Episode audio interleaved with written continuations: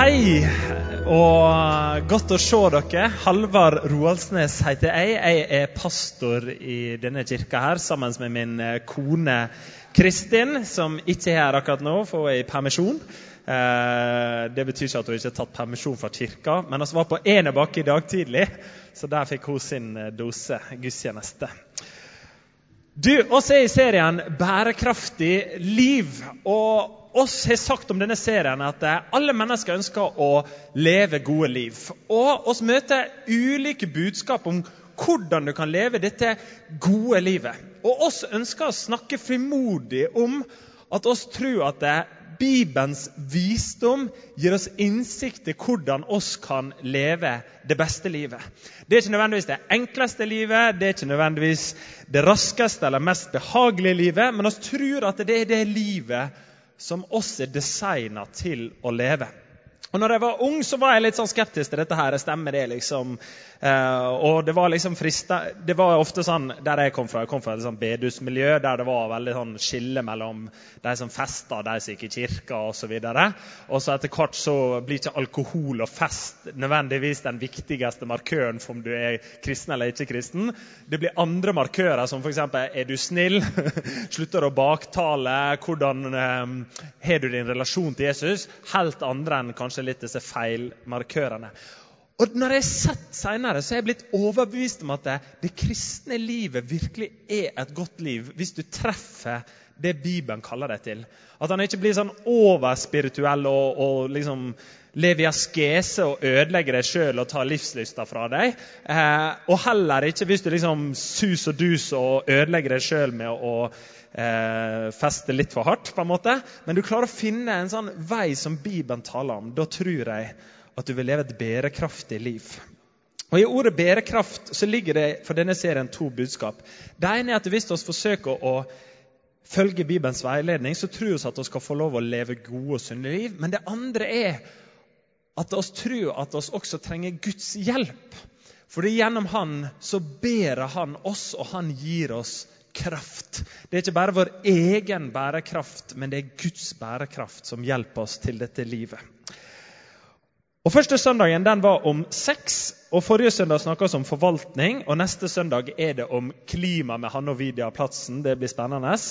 Men i dag skal jeg dele noen tanker om relasjoner ut ifra noe lillebroren til Jesus har skrevet i Bibelen, i Jakobs brev kapittel 3. Og for pedagogikkens del, for at du skal prøve å huske hva jeg har snakka om i dag, så hadde jeg lyst til at dere skulle være med på et lite fysisk øvelse. Enkel fysisk øvelse. Så er dere klar for det? Yes. Det jeg har lyst til at dere skal gjøre, det er å stikke ut tungen din og holde den der i to sekunder på én, to, tre. Mm. Det er den vi skal snakke om i dag. Vi skal snakke om tungen vår. Vi skal snakke om hvordan ord preger våre relasjoner.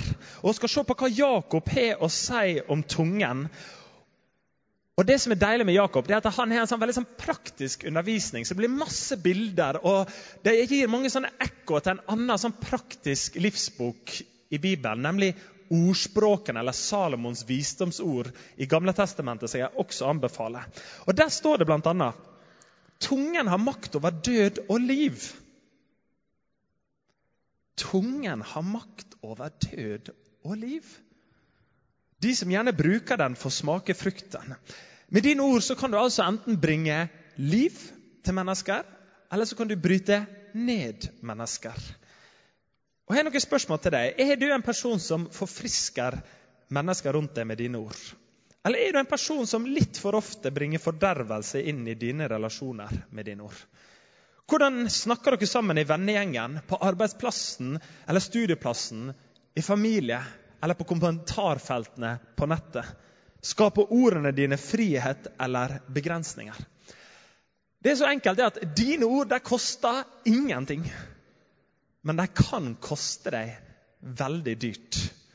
Enten som form av uttak i relasjonskontoen, eller som inntak i relasjonskontoen. Dine ord vil ha enten positive eller negative konsekvenser i dine relasjoner.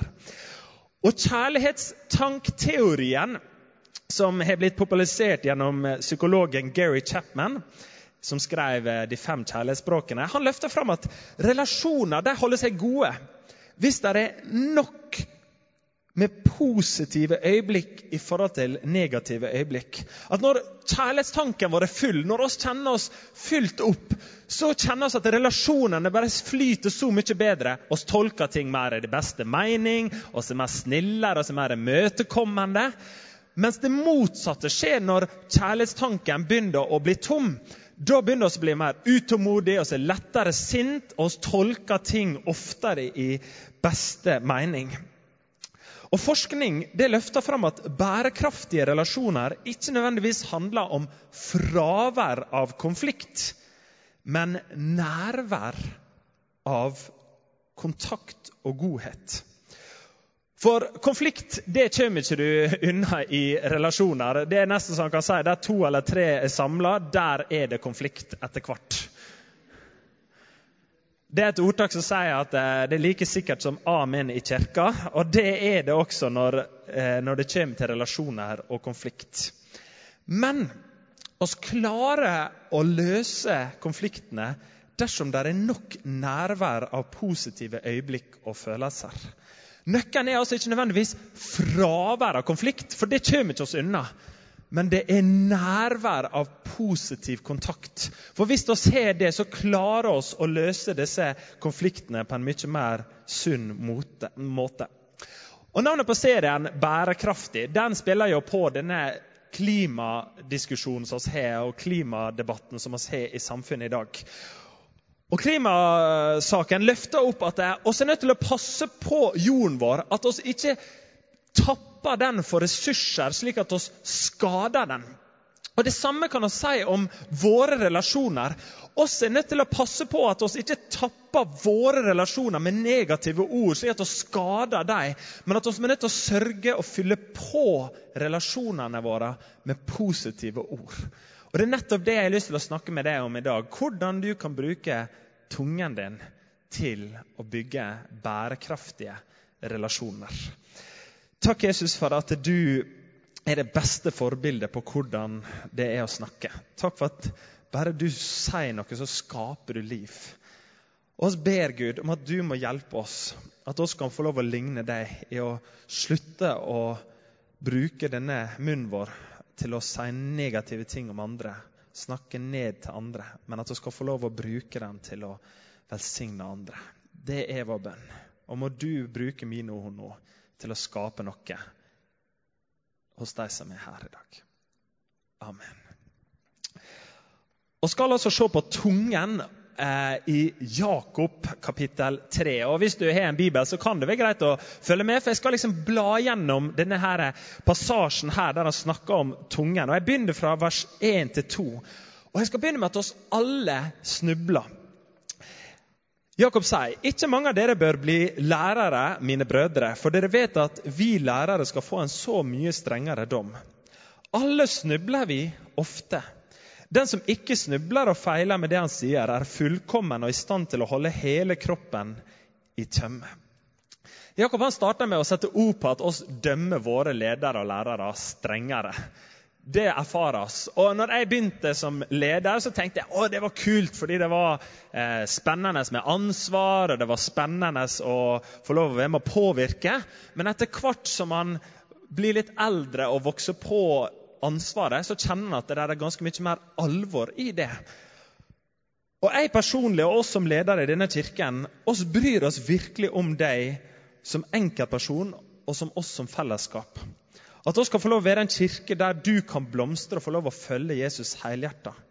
Men som Jakob sier, oss alle snubler. Jeg også. Jeg sier dumme ting både som leder, som ektemann og som venn. Og Derfor trenger jeg denne prekenen like mye som deg. Men ikke bare snubler oss alle sammen. oss gir det ofte også kan oss kjenne oss igjen i det, kanskje spesielt når det kommer til hvordan oss bruker ordene våre. Hvor ofte har ikke oss sagt noe som oss angrer på etterpå? Hvor mange ganger har det, Jeg tipper alle kan strekke opp hånda på den. Alle snubler vi ofte, sier Jakob. Og oss irriterer oss enkelte ganger over oppførselen til enkelte. Og så kommer oss med en sånn kvass kommentar som oss lirer av oss, og som blir altfor direkte og sårende. Eller oss syns det er så morsomt å ha det litt gøy på andres bekostninger. Eller de gangene oss trengte virkelig å si unnskyld fordi det bare bobla over av sinne og frustrasjon, og så sa oss ting vi ikke engang trodde oss kunne si. Jeg satt og tenkte på dette eksperimentet at hvis noen trakk én krone for hver gang du og jeg baksnakka eller sa noe negativt om noen, hvor mye penger hadde jeg igjen på kontoen da? Hvis vi ser oss i bakspeilet, så tror jeg vi lett kan gjenkjenne det. Det er utrolig mange ganger som har sagt unnskyld, og det er veldig mange ganger som har sagt dette skal jeg aldri gjøre igjen. Men så viser det seg igjen og igjen og igjen at oss snubler. Og så kan stille spørsmålet da, ja, men hvorfor klarer jeg ikke å styre tungen min? Jakob han kommer med den samme spørsmålet. Han kommer med litt sånn humoristisk refleksjon på dette problemet litt lenger nede. Han sier alt i naturen, både ville dyr og fugler, krypdyr og fisk, kan temmes og er blitt temmet av mennesket, som selv er en del av naturen. Men tungen makter ikke noe menneske å temme, skiftende og ond som den er, full av dødbringende gift. Jeg husker jeg var på Sirkus Anando. Jeg har vært på Sirkus Anando her. De har vært over hele Norges land og strand. Eh, på eh, grusbanen på Valderøya da jeg var liten. Og så hadde jeg kjøpt popkorn og sukkerspinn og satt oss på disse harde trebenkene. Og Der var klovn og gjorde noe morsomt, og så var det noen triks fra noen tunere. Og så var det alle disse dyra som gjorde disse her rutinene sine. Og Jeg husker jeg ble spesielt fascinert av disse svære elefantene. Som de fikk til å gå i ring og danse. Og så til og med sånn som på dette showet her. De fikk de til å sette seg ned på ei kasse som et lite menneske. Og når jeg tenker på det tilbake etterpå, så tenker jeg hvordan i alle dager kan vi få en, liten, en svær, svær elefant til å lytte til et bitte lite menneske? Det samme sier Jakob ironisk. Oss er klart å tømme svære elefanter. Oss er klart å få små tigere til å bli sånne pusekatter. Oss har fått delfiner til å hoppe gjennom ringer og adlyde oss på kommando. Oss er klart å temme alle mulige dyr. Men denne lille tingen her, tungen, den klarer ikke oss å styre, sier Jakob. Hva kan vi lære av dette? Jo, det første jeg tenkte på, det er ikke bry deg om alt det som folk sier. Oss alle snubler. Og vit jeg har mine verste dager, jeg har mine beste dager, og sånn har du også. Oss alle snubler. Og forkynneren, kapittel 7, han sier det. Du, Ikke bry deg om alt det folk sier, fordi at eh, du kan plutselig overhøre noen som snakker negativt om deg.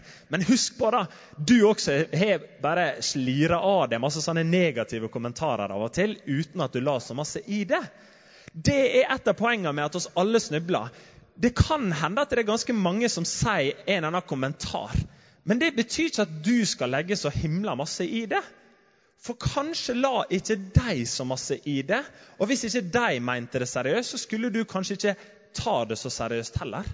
Og, og sitt råd er rett og slett at når du hører noe sånn negativt, eller du får en tilbakemelding, en kommentar til deg, så må du skille mellom Sier de bare et eller annet de mener nå, eller mener de det de faktisk sier? Bry deg ikke om alt det folk sier. Det er nøkkelordet. Alt. Fordi at Hvis du skal henge deg opp i alt det folk sier, så kan du uh, ta inn over deg litt for masse informasjon. Men nøkkelen er å skille mellom de som mener det de sier, og de som bare sier det de mener. Det andre rådet er å vise tilgivelse. Kanskje vi kan ta med oss Karsten Isaksen, tidligere prest og en folkekjær forfatter som har en glimrende måte å sette ord på ting på. Han sier jeg gir alltid menneskene rundt meg en skikkelig tabbekvote. Og jeg forlanger alltid en skikkelig tabbekvote for meg sjøl også. Det går så fort dette livet her at jeg vil ha litt plass til litt kreativ galskap. Ha litt slekk med deg sjøl.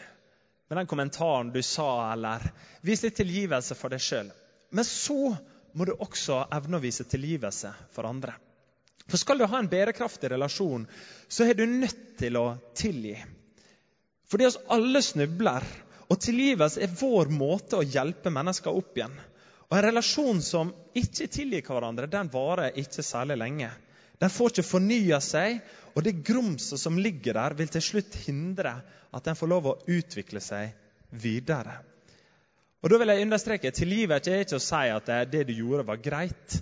Men tilgivelse er å si jeg syns det var dårlig, det du gjorde, men jeg tilgir deg. Jeg slipper på det sinnet. Jeg slipper på at jeg skal gjøre vondt tilbake. Nå prøver vi med blanke ark her igjen. Det betyr ikke det samme som å gi tillit, for det må av og til også få lov å vokse tilbake. Oss alle snubler, så la oss ha litt slekk på oss sjøl, gi oss gi andre slekk. Og bare tenk det at du må ikke bry deg om alt det folk sier. Det videre som Jakob snakker om, det er at små ting har stor kraft. Siv Jensen fra Frp hun er kjent for å fronte sine meninger ofte og ganske tydelig på Facebook. Og 9. mars klokka 08.35 så publiserte Sylvi Listhaug et innlegg som skulle få enorme konsekvenser. På morgenen bare synes det å være et sånt innlegg av sånn, si det som det er-innlegg i det store havet av innlegg som hun hadde posta i fortida. Men det viser at dette her hadde sprengkraft til å være noe masse, masse mer eh, alvorlig enn som så.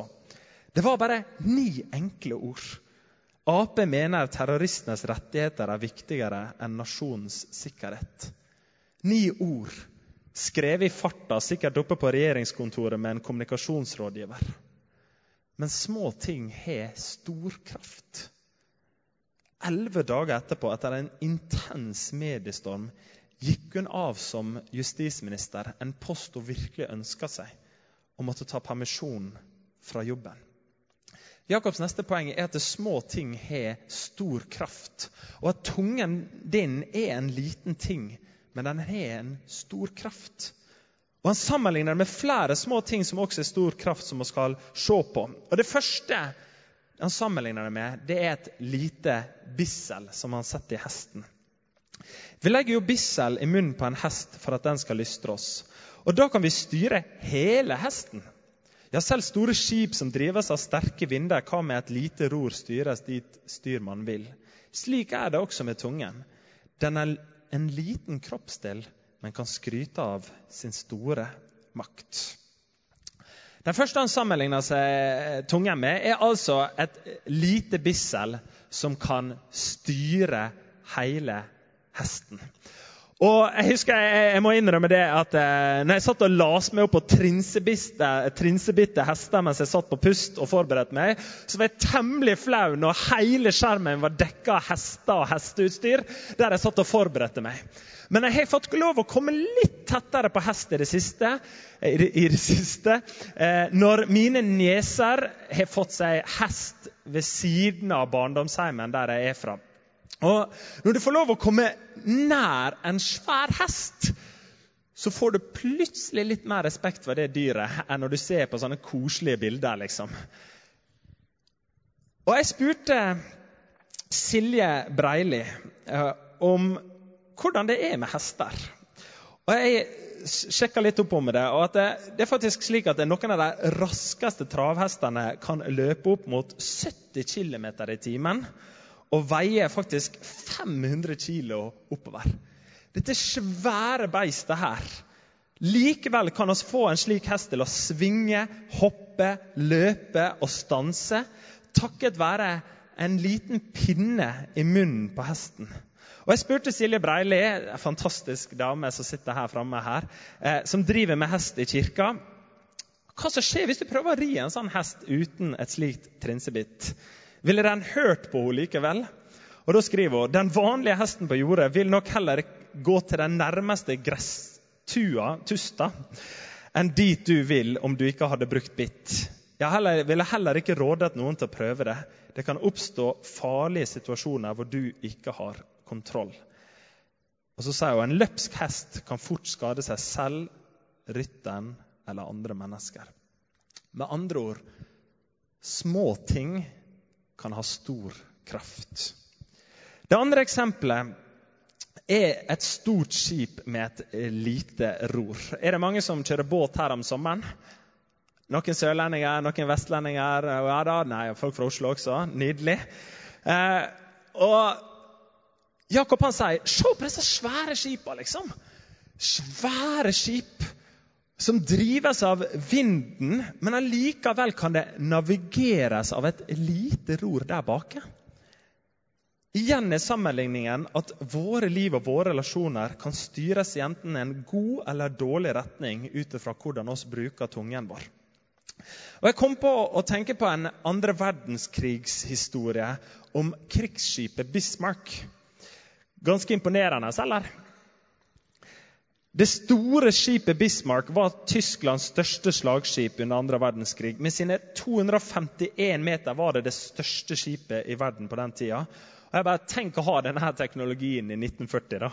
Skipet det var bemanna med 2200 personer og var spesielt kjent for sine åtte svære kanoner med en rekkevidde på 35 000 meter. Disse hadde et styringssystem som var så presist at det tok ut HMS Hood med ett skudd. Det er litt som å komme i en boksekamp med 15 runder. og Så kommer han ene bokseren inn, og så gir han ett slag, og så er det knockout, og så er kampen over. Det er ingen som har lyst til å gå i ringen med han bokseren igjen. Sånn var det med Bismarck også. Det var ingen andre som hadde lyst til å nærme seg. Det var uovervinnelig. Og Engelskmennene hadde prøvd seg flere ganger mot dette skipet. Men tross sin storhet hadde den liten, men fental svakhet. Roret var nemlig plassert svært ubeskytta. Og Den engelske marinen fant ut nemlig denne svakheten etter hvert. og De sendte inn et flyangrep som sendte en torpedo som traff akkurat på det roret. Og Da ble skipet satt helt ut av spill og var ute av stand til å navigere. og Dermed ble det sårbart for angrep, og slik ble det nedkjempa. Hva vil jeg med denne, det skipet mitt? Jo, jeg tenker sånn at det, det, er ganske mange ressurssterke mennesker i denne byen. her. Sterke mennesker. Det er mange ressurssterke mennesker i denne kirka her. Kanskje føler du deg sterk. Suksessrik, du får til det meste, og det virker som at det skal masse til for at ting skal gå galt for deg. Men tungen din og min, den er akkurat som Bismarck, et sårbart punkt. Den har faktisk kraften til å være det som undergraver alt det andre. Kjente profiler som oss la som i stad, er ett eksempel på det. Skilsmisser er et annet eksempel på det. Uvennskap er et annet igjen. Små ting er stor kraft. Det siste eksempelet Jakob løfter fram, er en liten ild. Ja, en liten ild kan sette den største skog i brann. Også tungen er en ild, en verden av ondskap blant våre lemmer. Den smitter hele kroppen og setter livshjulet i brann, og selv blir den satt i brann av helvete. En liten ild kan sette store skoger i brann. Det så oss på nyhetene i sommer når bare sånne små lynnedslag eller noen som glemte å slukke bålet sitt, plutselig starta det en liten brann der. Og så førte det til en enorme skogbranner som spredte seg over hele store områder. Og når det først satt i brann, så er det vanskelig å stanse. Slik er det med ordene våre også. Det kan bare være noen raske ord du sa i et dårlig øyeblikk, men det kan få lov å gjøre stor skade i relasjoner. Det kan bare være noen ord du fikk høre i fortrolighet, men du skulle bare dele det til én til. Og så plutselig så spredte det seg til hele vennegjengen. Det kan bare være en liten kommentar, men som brant seg fast i sjela til noen andre. Det gjorde inntrykk på meg, bl.a. det Erik Andreassen sa her for to søndager siden. Om denne fotballspilleren som så så veltrent ut. Og Allikevel, når han så seg i speilet, så klarte ikke han å se det positive med kroppen sin. Fordi han hadde fått én kommentar etter han hadde vært ute av en eh, sportslig karriere en periode, fra treneren sin som sa det når han har lagt på seg noen kilo. Du, skal du være toppidrettsutøver, så må du se ut som en. Og så brann den kommentaren seg så hardt fast i han at han sleit med å se seg i speilet på samme blikk som han gjorde før. Og så tenker jeg ja, ja, ja, men det var jo bare en liten ting å sa. Riktig. En liten ting. Men det kan, som Jakob sier, lage et helvete for noen andre. Og En åpenbar lærdom jeg tenker fra denne teksten, her, det er og dette snakker jeg virkelig til meg sjøl også tenk før du snakker. Så lærer å være forsiktig med ild, fordi vi vet at en liten ild kan skape en stor brann. Jeg tenker oss burde ha blitt lært at vi må være enda mer forsiktige med våre ord. Fordi vi vet at noen få ord kan skape stor skade. Og Dette budskapet er kanskje enda viktigere i dag, i en tid der vi snakker og taster enda raskere enn noen gang før. Derfor vil jeg understreke igjen vær varsom med hvordan du snakker. Jeg vet ikke med deg, men Når jeg studerte denne teksten her, og når jeg har lagt den fram for dere, så føler jeg at denne teksten den tegner et ganske sånn tydelig bilde av konsekvensen og kraften ord kan ha. Er dere med på det? Og jeg tenker at Vi må la denne forståelsen få lov å prege når og hvordan oss snakker. Og Det siste Jakob adresserer i denne teksten, er at dersom vi skal se forandring, så er vi nødt til å gå til kilden. La oss lese siste passasje. Med den lovpriser vi var Herre og Far, og med den forbanner vi menneskene som er skapt i Guds bilde. Fra samme munn kommer det både lovprisning og forbannelse. Slik må det ikke være, mine søsken. Strømmer det vel friskt vann og bittert vann fra samme kilde? Mine søsken, kan vel et fikentre bære oliven eller en vinstokk bære fiken? Like lite kan en salt kilde gi friskt vann.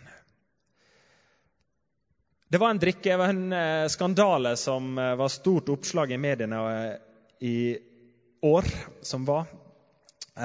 I Aske utenfor Bergen. Og Vannet det inneholdt bakterier som skapte sykdom over hele øya. Og faktisk så la seg på nettet at det var over, to, nei, unnskyld, over 5500 personer som ble berørt. De måtte koke vannet sitt i fire uker. Og folk turte nesten ikke å dusje. Og nærbutikkene hadde en sånn omsetning på engangsflasker som de aldri hadde sett i lokalhistorien noen gang siden, eller noen gang etterpå, tipper jeg. Så når folk har tappa vannet sitt ut fra krana i hjemmet, tror du de da tenkte ja, det må være noe gale med den krana?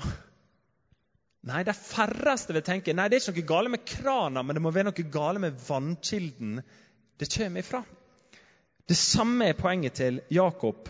Problemet ligger ikke her ute, i tunga, i krana, men problemet ligger i kilden. Og Jakob han siterer her Jesus om disse treet som bærer frukt.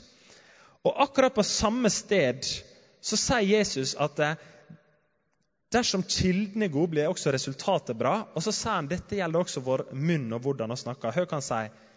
For det hjertet er fullt av, det sier også munnen. Skal du altså endre måten du snakker på, så må du gå til kilden. Bare prøv å holde igjen når det strømmer for fullt. Jeg vet ikke du, eller jeg prøvde det når jeg er ordentlig sint på Kristin. Det er ganske vanskelig å si, noe, si noen gode ord med troverdighet. Også. Da kjenner jeg at det strømmer inn i meg. Og når det er salt vann og det er bittert vann i kilden, så er det bittert vann som kommer ut.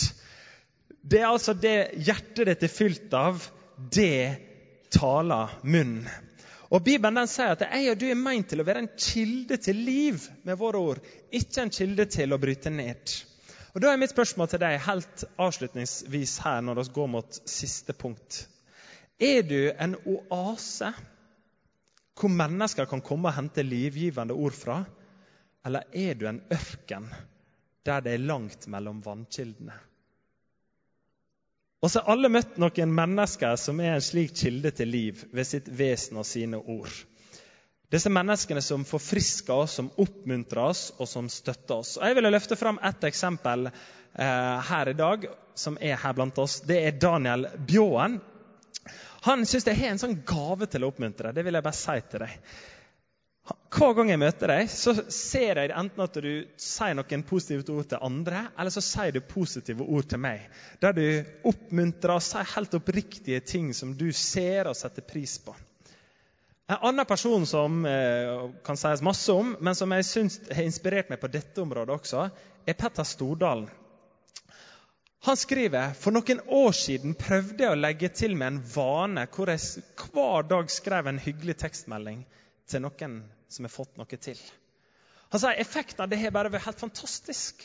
På den ene sida er han blitt velsigna av å føle seg bra av å gjøre en god handling. Men så har han også sett at han har fått lov å se hyggelige tilbakemeldinger til seg. Og så sier han tenk for en flott vane det hadde vært hvis alle sendte en hyggelig melding hver dag.